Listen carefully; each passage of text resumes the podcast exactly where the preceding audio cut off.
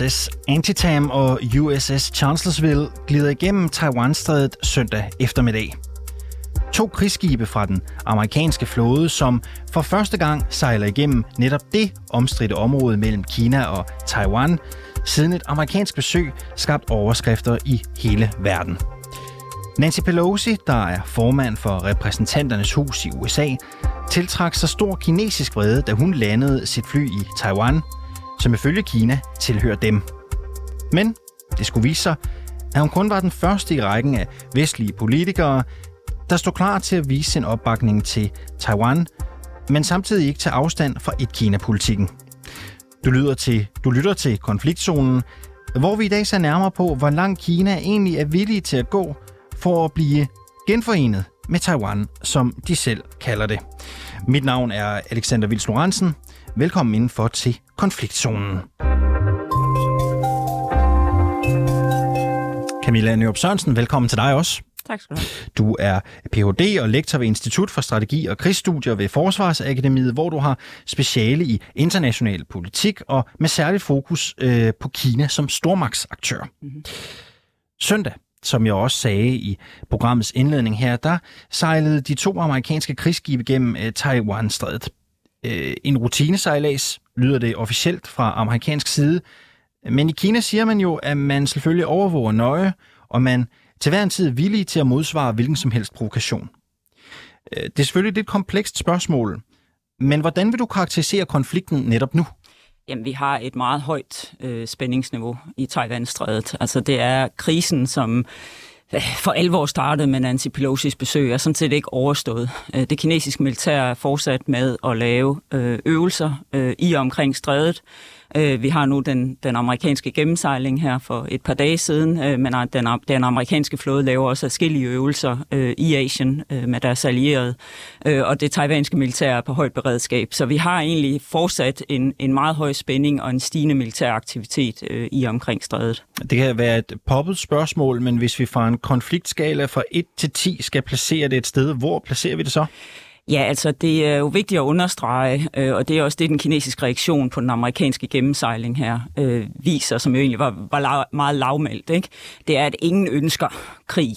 Øh, men det, der er øh, problemet, det er, at man får så meget militær samlet på et relativt afgrænset, geografisk afgrænset område. Ikke? Øh, og det øger simpelthen risikoen for, for sammenstød, for misforståelser, som så hurtigt kan eskalere, fordi der er meget lidt øh, dialog mellem parterne. Der er mange der er meget få øh, konflikthåndteringsmekanismer på plads. Så det er egentlig farens, og hvis man der skal placere det på en skala fra 1 til 10, øh, så er vi meget højt på skalaen, øh, fordi, ja netop som jeg var inde på, at der ikke er de her konflikthåndteringsmekanismer, og der er så høj grad af mistillid mellem parterne, særligt mellem Kina øh, og, øh, og USA. Lad os lige skrue tiden tilbage, for det skabte stor international opmærksomhed, da øh, den højtstående amerikanske politiker øh, Nancy Pelosi tidligere på måneden besøgte Taiwan. Øh, og det gjorde hun jo på trods af, at man fra kinesisk side har bedt Joe Biden om at forhindre Pelosi i at foretage besøget. Hvorfor har netop det besøg fået konflikten til at eskalere så voldsomt på ny? Jamen, konflikten er egentlig, eller hvad kan man sige, spændingsniveauet er egentlig bygget op over lang tid, øh, over forskellige år. Øhm, man kan sige, at det her var ligesom set fra Kina kulminationen på det, de ser som sådan en farlig glidebane i amerikansk Taiwan-politik, hvor USA både i ord og handling øh, bevæger sig væk fra øh, et-Kina-politikken, altså at de ikke anerkender og behandler Taiwan som en selvstændig stat. Øh, og det er set fra Kina sådan en, ja, en fartruende glidebane, ikke, som de vil have stoppet. Øh, og Nancy Pelosi's besøg var det var, hun var den mest højtstående amerikanske politiker, der har besøgt Taiwan i, øh, i, i flere årtier. Ikke? Øh, og de havde advaret voldsomt kineserne op til besøget, fordi det blev jo, hun skulle jo have besøgt det allerede i april. Det blev så aflyst, så der har ligesom været rygter, kan man sige, forlydende om, at det her besøg var på vej længe. Så kineserne har haft rigtig lang tid til at forberede sig, og de er også kommet ud med rigtig mange advarsler. Men de har jo ikke ført til noget. øh, og, øh, og derfor havde de et, har, de, har de set et meget stort behov for at demonstrere deres beslutsomhed, og også demonstrere, hvad de kan gøre, hvis USA fortsætter øh, på, den her, øh, på den her farlige glidebane, igen set fra Kina, hvor de gradvist øh, styrker deres øh, politiske og militære relationer til Taiwan. Øh, du har været lidt inde på det, men da du og jeg talte sammen forud for det her program, mm. så sagde du også, at forholdet mellem USA og Kina har måske ikke været så dårligt i lang tid. Jamen, kan du sætte nogle ord på det? Jamen, det har aldrig været så dårligt, kan man sige, siden øh, etableringen af diplomatiske relationer, der er i slutningen af, af 70'erne. Og det er egentlig en uundgåelig konsekvens af, at Kina nu har nået et punkt, altså i Kinas udvikling som stormagt, kan man sige, hvor de for alvor begynder at kunne udfordre USA. USA har jo været en ret enerådig stormagt, må man sige, siden afslutningen af den kolde krig.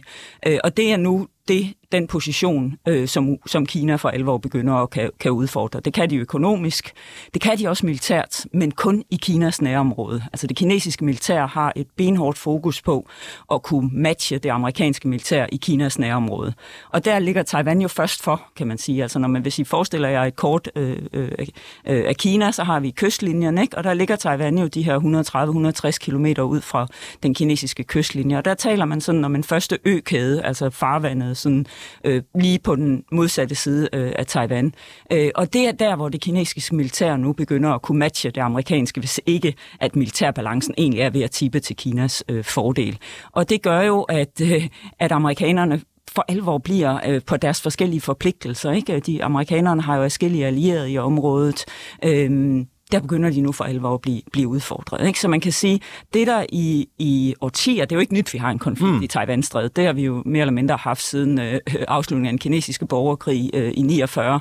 Øh, men det, der nu for alvor ændrer sig, det er, at det, at det samarbejde, den, det pragmatiske samarbejde, der er nødt til at være mellem Kina og USA i forhold til at undgå, at der udvikler sig en militær konflikt i Taiwanstrædet, det er for alvor nu begyndt at, øh, at, at krakelere. Altså, de kan simpelthen ikke øh, tale sammen. Der er ingen tillid i forholdet. De, de øh, løfter, man giver hinanden, altså kineserne, at de, at de ikke vil bruge militær magt til at gennemtvinge genforening, at amerikanerne vil fastholde en et-Kina-politik, jamen, de tror ikke på hinanden længere, og de forbereder sig begge på det værst tænkelige scenarie. Ja, og du siger jo også i det her interview, øh, forholdet har aldrig været værre mellem USA og øh, Kina. Øh, de kan dårligt tale sammen. Det sætter Taiwan i en udsat position. Mm. Spørgsmålet er jo så, er Kina ved at indtage Taiwan Altså, jeg understreger oftest, øh, eller ofte, når jeg sådan skal prøve at forklare, hvordan konflikten ser ud øh, set for Kina, at det, der er meget vigtigt for Kina, det er at holde vinduet for genforening åben. Øh, Øh, kineserne vil, er ikke ved at forberede en militær aktion, som har til formål at gennemtvinge genforening. Det ved kineserne godt vil have utrolig store risici. Og man kan sige, det er de kun blevet bekræftet i, efter de har set, hvor store problemer russerne har rendt ind i, i, i Ukraine. Øh, så de ved godt øh, at invadere øh, Taiwan, øh, som også er en ø, hvilket gør det endnu mere øh, svært. Ja, det vil, det vil indebære meget store risici. Det vil simpelthen være uforudsigeligt, øh, hvordan det sker. Vil amerikanerne komme til? Hvor hurtigt vil der amerikanske militær komme til? Vil de amerikanske allierede komme til? Hvad, hvad er det egentlig for en situation, Kina kan komme, det kinesiske militær kan komme til at stå i? Så der er mange ubekendte, der er store risici. Det vil kineserne helst undgå, for de ser stadig, at de på sigt har tiden på deres side ved at fortsætte den politik, de egentlig kører nu, hvor de øger økonomisk, øh, politisk øh, og også militært pres på Taiwan for lige så gradvist at få den taiwanske befolkning til at indse, at der ikke er noget alternativ til at finde en eller anden form for forståelse med Kina, så man bliver inden for et Kina. Øh, så det er egentlig stadigvæk det, der er deres foretrukne løsning, kan man sige, øh, i forhold til at opnå genforening. Det er gradvis og, og ligesom at, og, og, at sikre, at Taiwan bevæger sig mere og mere i den retning mod øh, genforening. Det, der bare er problemet, det er, at set fra Kina i de her år, så går det den modsatte vej. Så går det mere og mere mod Taiwans selvstændighed. Og de ser et USA og også et Europa, som i højere grad støtter øh, Taiwans selvstændighed, behandler og omtaler Taiwan i stigende grad som en selvstændig øh, stat. Så det, der er så vigtigt for kineserne nu, det er at få, at få demonstreret, at det er, det er altså ikke en vej, man skal fortsætte med at gå. Øh, så det deres aktiviteter, nu særligt de militære aktiviteter i omkring strædet, har til fokus, eller har, har, har fokus på, det er at afskrække den taiwanske befolkning fra at bevæge sig længere mod selvstændighed, og andre lande fra at støtte det. Øh, så det er egentlig for at modvirke øh, at vi har en bevægelse mod Taiwans selvstændighed mere, end det er for at gennemtvinge genforening her og nu. Genforening er stadig målet, og jeg er sikker på, at øh, den kinesiske øverste leder Xi Jinping øh, meget gerne vil være den øverste kinesiske leder, der sikrer den endelige genforening af moderlandet, som man siger i Kina. Hans problem er bare, at han ikke kan gøre det nu uden meget store risici. Hvad er det, de frygter, øh, kineserne, ved at gå ind militært? Hvad er worst case scenario? Worst case scenario er jo, at de taber. altså, Med hvilke øh, fordi, konsekvenser så? Jamen, det vil jo kunne have enormt store konsekvenser øh, internt i Kina. Altså, øh, både øh, altså, det, de også har set i forhold til den russiske uh, invasion af Ukraine, det er jo, hvordan Europa og USA uh, meget hurtigt uh, kom, uh, kom sammen uh, og fik vedtaget nogle meget skrappe sanktioner vendt mod Rusland.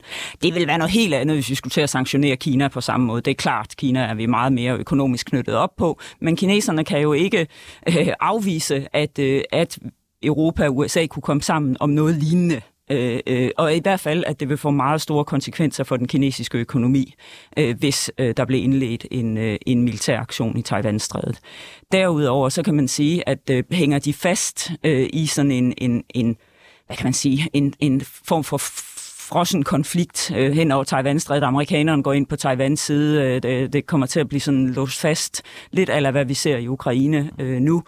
Jamen, så vil det også virkelig så tvivl om det, kommunistpartiet har slået sig højt op på indrigspolitisk, altså at det er kommunistpartiet, der skal bringe Kina tilbage til det, de ser som deres retmæssige position som stormagt. Øhm, det vil simpelthen øh, øge presset på kommunistpartiet for at gøre noget mere. Ikke? Altså nu har vi det her stærke militær, vi er en stærk økonomisk magt. Hvorfor er det, at vi nu sidder fast i sådan en konflikt med det her relativt øh, lille øh, Øh, øh, øh, land, øh, øh, territorier, der ligger overfor. Det er jo en del af os. Hvorfor kan I ikke få det tilbage? Ikke? Så der vil komme et, et, det vil give have nogle enorme konsekvenser økonomisk, men også politisk øh, i Kina for Kommunistpartiet. Vi skal også en tur til øh, Taiwan, det skal vi nu. Øh, vi skal høre fra en person, som vi har øh, talt med op til dagens program. Det er øh, Brian Ho, som er journalist, og han er bosat i øh, Taipei, hovedstaden i Taiwan. Vi har spurgt ham, hvordan den taiwanesiske befolkning egentlig reagerer på den seneste tids øh, eskaleringer. So, uh, conflict with China or the possibility of conflict is, is, nothing new. Chinese threats have been directed towards Taiwan for literal decades, and so people are quite used to it. I think also people are a bit numb to it in that sense. And so I think that is why uh, there have not been, for example, large reactions this time around. Uh, people have been concerned about it. Uh, they are concerned. I mean, I think it's a fear that's been in the back of the heads of Taiwanese for many decades. Ja, den taiwanesiske journalist Brian Ho, han fortæller, at befolkningen ikke er bange, fordi de har været en del af øh, den her konfliktzone i mange år. Det er en frygt, som taiwaneserne de konstant lever med i baghovedet. Hvordan vil du beskrive det forhold, som Taiwan har haft til Kina øh, gennem årene? Jamen det er jo, altså man kan sige, øh, det er jo som sagt en langstrakt konflikt, ikke? som jo egentlig bunder i øh, den kines, afslutning af den kinesiske borgerkrig, som jo ikke egentlig blev afsluttet. Vel? Altså vi havde den tabende part, nationalisterne, som, som flygtede til Taiwan, og der videreførte Republiken Kina, som i dag fortsat er Taiwans øh, officielle navn. Og så blev det ligesom viklet ind i, øh, i den kolde krig, ikke? Og, og USA øh, støttede op om, om Taiwan, og den situation havde vi så helt op til øh, slutningen af 70'erne, hvor USA skifter diplomatisk anerkendelse fra Republiken Republiken Kina, altså Taiwan til Folkerepubliken Kina. Øh, men i hele den her periode, øh, faktisk helt op til midt 80'erne, slut 80'erne øh, og ind i 90'erne, der har vi et meget autoritært styre på Taiwan. Det er først op i 80'erne og igennem 90'erne, vi får en egentlig demokratisering på Taiwan. Øh, så langt op igennem 90'erne, øh, eller 70'erne og 80'erne, jamen der var der egentlig også en, en opfattelse på Taiwan, i den taiwanske, store del af den taiwanske befolkning om, at der var et Kina. Ikke? Og de egentlig, det var bare republikken Kina, der repræsenterede det Kina. Øh, men det begynder jo så at ændre sig med, med demokratiseringen, øh, og, og der kommer mere en selvstændig taiwansk identitet. Øh, man får nogle partier ind, øh, også det, det nuværende regerende parti, ikke, som står for den her særlige taiwanske identitet og siger, jamen Taiwan er noget andet end Kina. Og så kommer der jo altså den her afstand mellem, at Kina, det er det, der er over på fastlandet. Vi Taiwan er noget andet. Ikke? Så det er også et, et resultat af den demokratisering, den helt anderledes politiske udvikling, som Taiwan har været igennem i forhold til, øh, til fastlandet. Så langt størstedelen af den taiwanske befolkning i dag, særligt hvis vi kigger på, på de yngre generationer, jamen de føler ikke noget særligt tilhørsforhold øh, til Kina. De ser sig som taiwanere, ikke som øh, kinesere. Camilla Nyrup Sørensen er Ph.D. og lektor i international politik ved Forsvarsakademiet, og altså også gæst i dagens udgave af Konfliktzonen her på 24.7. Og jeg kunne godt tænke mig, Camilla Nyrup Sørensen, at I brugte de sidste 10 minutter af programmet i dag på at tale lidt mere om, jamen hvordan skal den her genforening med Kina så komme til at se ud, hvis det står til Xi øh, Jinping. Øhm, han ønsker jo at skabe den øh, kinesiske drøm. Det er det, han taler om. Og øh, her er genforeningen med Taiwan jo ikke uvæsentlig for Xi Jinping. Kan du prøve at beskrive, hvad den kinesiske drøm er for en vision?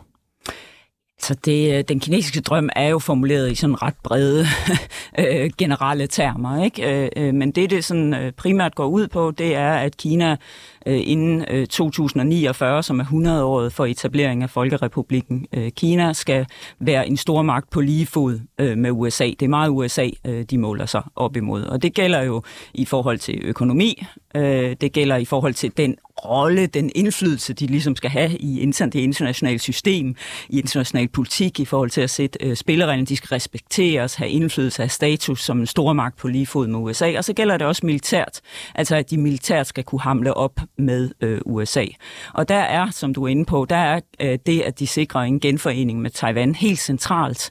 Øh, og det er det simpelthen også bare igen ved at kigge på geografien, ikke? fordi Taiwan ligger så tæt op ad den kinesiske kyst, at det er helt uholdbart sådan militærstrategisk at tillade, at man ikke har kontrol med det her område så tæt på ens øh, kyst, særligt når man har et, øh, et knap så venskabeligt øh, forhold til den anden supermagt, som er stærkt i øh, området, altså netop USA. Det er jo ellers den amerikanske flåde, der har været den dominerende flåde i Asien, ja nærmest siden 2. verdenskrig. Ikke? Og det er det, kineserne nu begynder for alvor at kunne udfordre.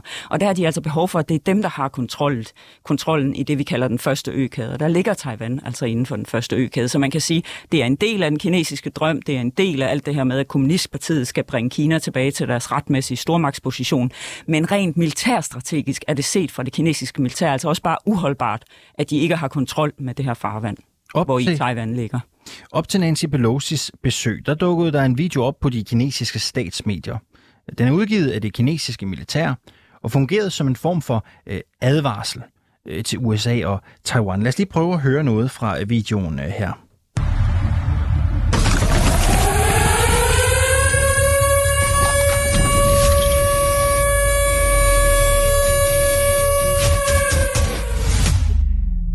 Ja, i den her video, der viser det kinesiske militær sine våben. Missiler, kampfly og så videre. Men hvor store muskler har Kina egentlig at gøre med? Altså, hvor stort, hvor velpolstret er det øh, kinesiske øh, militær? Hvad kan de rykke ind med, hvis det en dag skulle komme til en militær øh, overtagelse? Altså, øh, det er, altså, der er ingen tvivl om, at det kinesiske militær i dag er et helt andet sted, end, end det var sidst, vi havde en stor militærkrise i øh, uh, taiwan i midten af 90'erne. Der kunne amerikanerne ligesom demonstrere deres overlegenhed ved at sejle sådan to hangarskibsenheder op igennem strædet, ligesom sige til kineserne, her til ikke længere, nu må I øh, holde inde, det er også der er den stærke, stærkeste uh, militærmagt her. Der er vi ikke længere. Øh, og, øh, og det kinesiske militær har, har faktisk siden den krise, der i midten af 90'erne arbejdet benhårdt på at kunne få overtaget øh, i Taiwan-strædet. Øh, og det er de altså ved at have nu.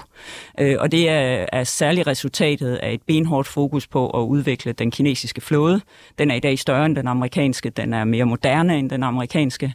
Øh, så, så kvantitet, øh, der er de ret godt med. Øh, når vi kommer til kvalitet, så er kinesernes problem jo, at det, og det problem i, i godsøjen, det er, at de ikke har været i krig øh, længe, så de har ikke rigtig fået øvet, de har ikke fået opbygget erfaring. Og der kan man sige, at den her seneste krise, vi nu har set sig udspille over de seneste uger, det har faktisk givet dem noget meget vigtig erfaring, fordi at vi har set dem for første gang lave så store militærøvelser, øh, hvor de også øver at få flåden, flyvevåbnet, deres missilkapacitet øh, til at arbejde sammen. Øh, og de, vi har aldrig set så store øvelser, der går hele vejen rundt om Taiwan, altså også på den østlige side øh, af Taiwan. Øh, så de egentlig øver, hvad kan man sige, at lægge sådan en form for blokade rundt om Taiwan, så de kan forhindre den amerikanske flåde, og også japanske, australske, hvad der nu ellers skulle komme til, at komme til Taiwans øh, hjælp. Øh, så, øh, så både det, vi ved, øh, vi kan se, at den, øh, det kinesiske militær har udviklet sig, men altså også de her seneste øvelser, vi har set i og omkring Taiwan-strædet, jamen det viser, at det kinesiske militær i dag er et, øh, er et godt, altså virkelig kan matche det amerikanske militær i Kinas nærområde. Og Kina, det er jo fordi, det kinesiske militær fokuserer på det her område. De fokuserer på deres nærområde. Det amerikanske militær er jo rundt omkring i hele verden. Øh, og det er altså, hvad kan man sige, det der nu for alvor spiller sig ud. For hvis vi måler dem op mod hinanden, det kinesiske militær over for det amerikanske militær, så er det amerikanske amerikanske militær langt foran øh, og har et militærbudget, der er mange gange større end det kinesiske. Men det kinesiske militær er bare fokuseret på Asien, og særligt øh, på Taiwan-strædet. Og det er det, der nu for alvor øh, udfordrer amerikanerne. Og du nævner selv blokaden som et øh, muligt øh, værktøj øh, rettet mod en genforening. Lad os prøve at dvæle ved det. Muligheden og jo på samme tid frygten for, at Kina laver en øh, blokade rundt om Taiwan. Ikke? De kunne sende skibe og ubåde til Taiwans kystlinje for at forhindre trafikken i de taiwanesiske havne. Og så kunne man jo samtidig lukke for luftrummet med krigsfly og missiler. Mm. Kunne kineserne finde på det? Ja, altså øh, det er jo i hvert fald det, vi har set dem øve øh, over, de, øh, over de seneste uger. Øh, så igen, så øh, er det også noget, der, øh, der bliver diskuteret både i kinesiske militærstrategiske kredse og i amerikanske militærstrategiske kredse, hvor fokus selvfølgelig er på at, at finde på modsvar, eller komme op med modsvar til det.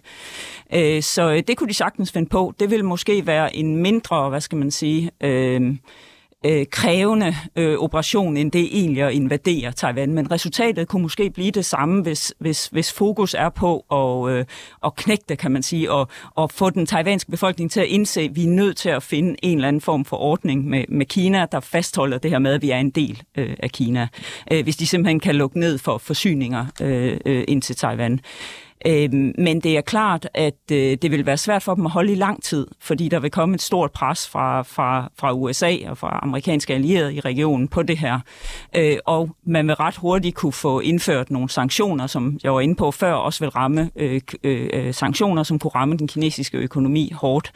Så hvis de vil gøre det, så er det kinesiske militærs fokus i hvert fald på, øh, på at det skal kunne give hurtigt resultat for at opretholde sådan en flådeblokade i lang tid. Det er meget svært. To korte spørgsmål øh, til sidst. Øh, forholdet mellem USA og Kina er så koldt, som det nogensinde har været. Mange rundt om i verden holder vejret og frygter øh, den her øh, genforening. Hvem er det lige nu, der skal sørge for, at konflikten ikke eskalerer? Det er USA og Kina. Øhm, og der er der heldigvis øh, nogle forlydende om, at, øh, at der er et møde planlagt mellem øh, den øverste kinesiske leder Xi Jinping og øh, præsident Biden i forbindelse med G20-topmødet, der skal være i Indonesien i øh, november. Og vi havde jo næsten lige inden øh, Nancy Pelosi's besøg også et møde mellem øh, Xi og, øh, og Biden. Altså et virtuelt møde selvfølgelig. Xi Jinping har ikke øh, øh rejst øh, i meget lang tid, men øh, der er altså forlydende om, at han rejser til Indonesien her øh, snart. Men, øh, men der så vi allerede, hvor hvordan der på både Biden og Xi Jinpings side var et meget stort fokus på at få genetableret nogle af de her konflikthåndteringsmekanismer. Altså en erkendelse af, at man er nødt til at tale sammen, hvis man skal undgå, at det her udvikler sig til en militær konflikt. Camilla Nørup Sørensen, Ph.D. og lektor i international politik ved Forsvarsakademiets Institut for Strategi og Krigsstudier. Tak fordi du kom en tur i øh, konfliktzonen.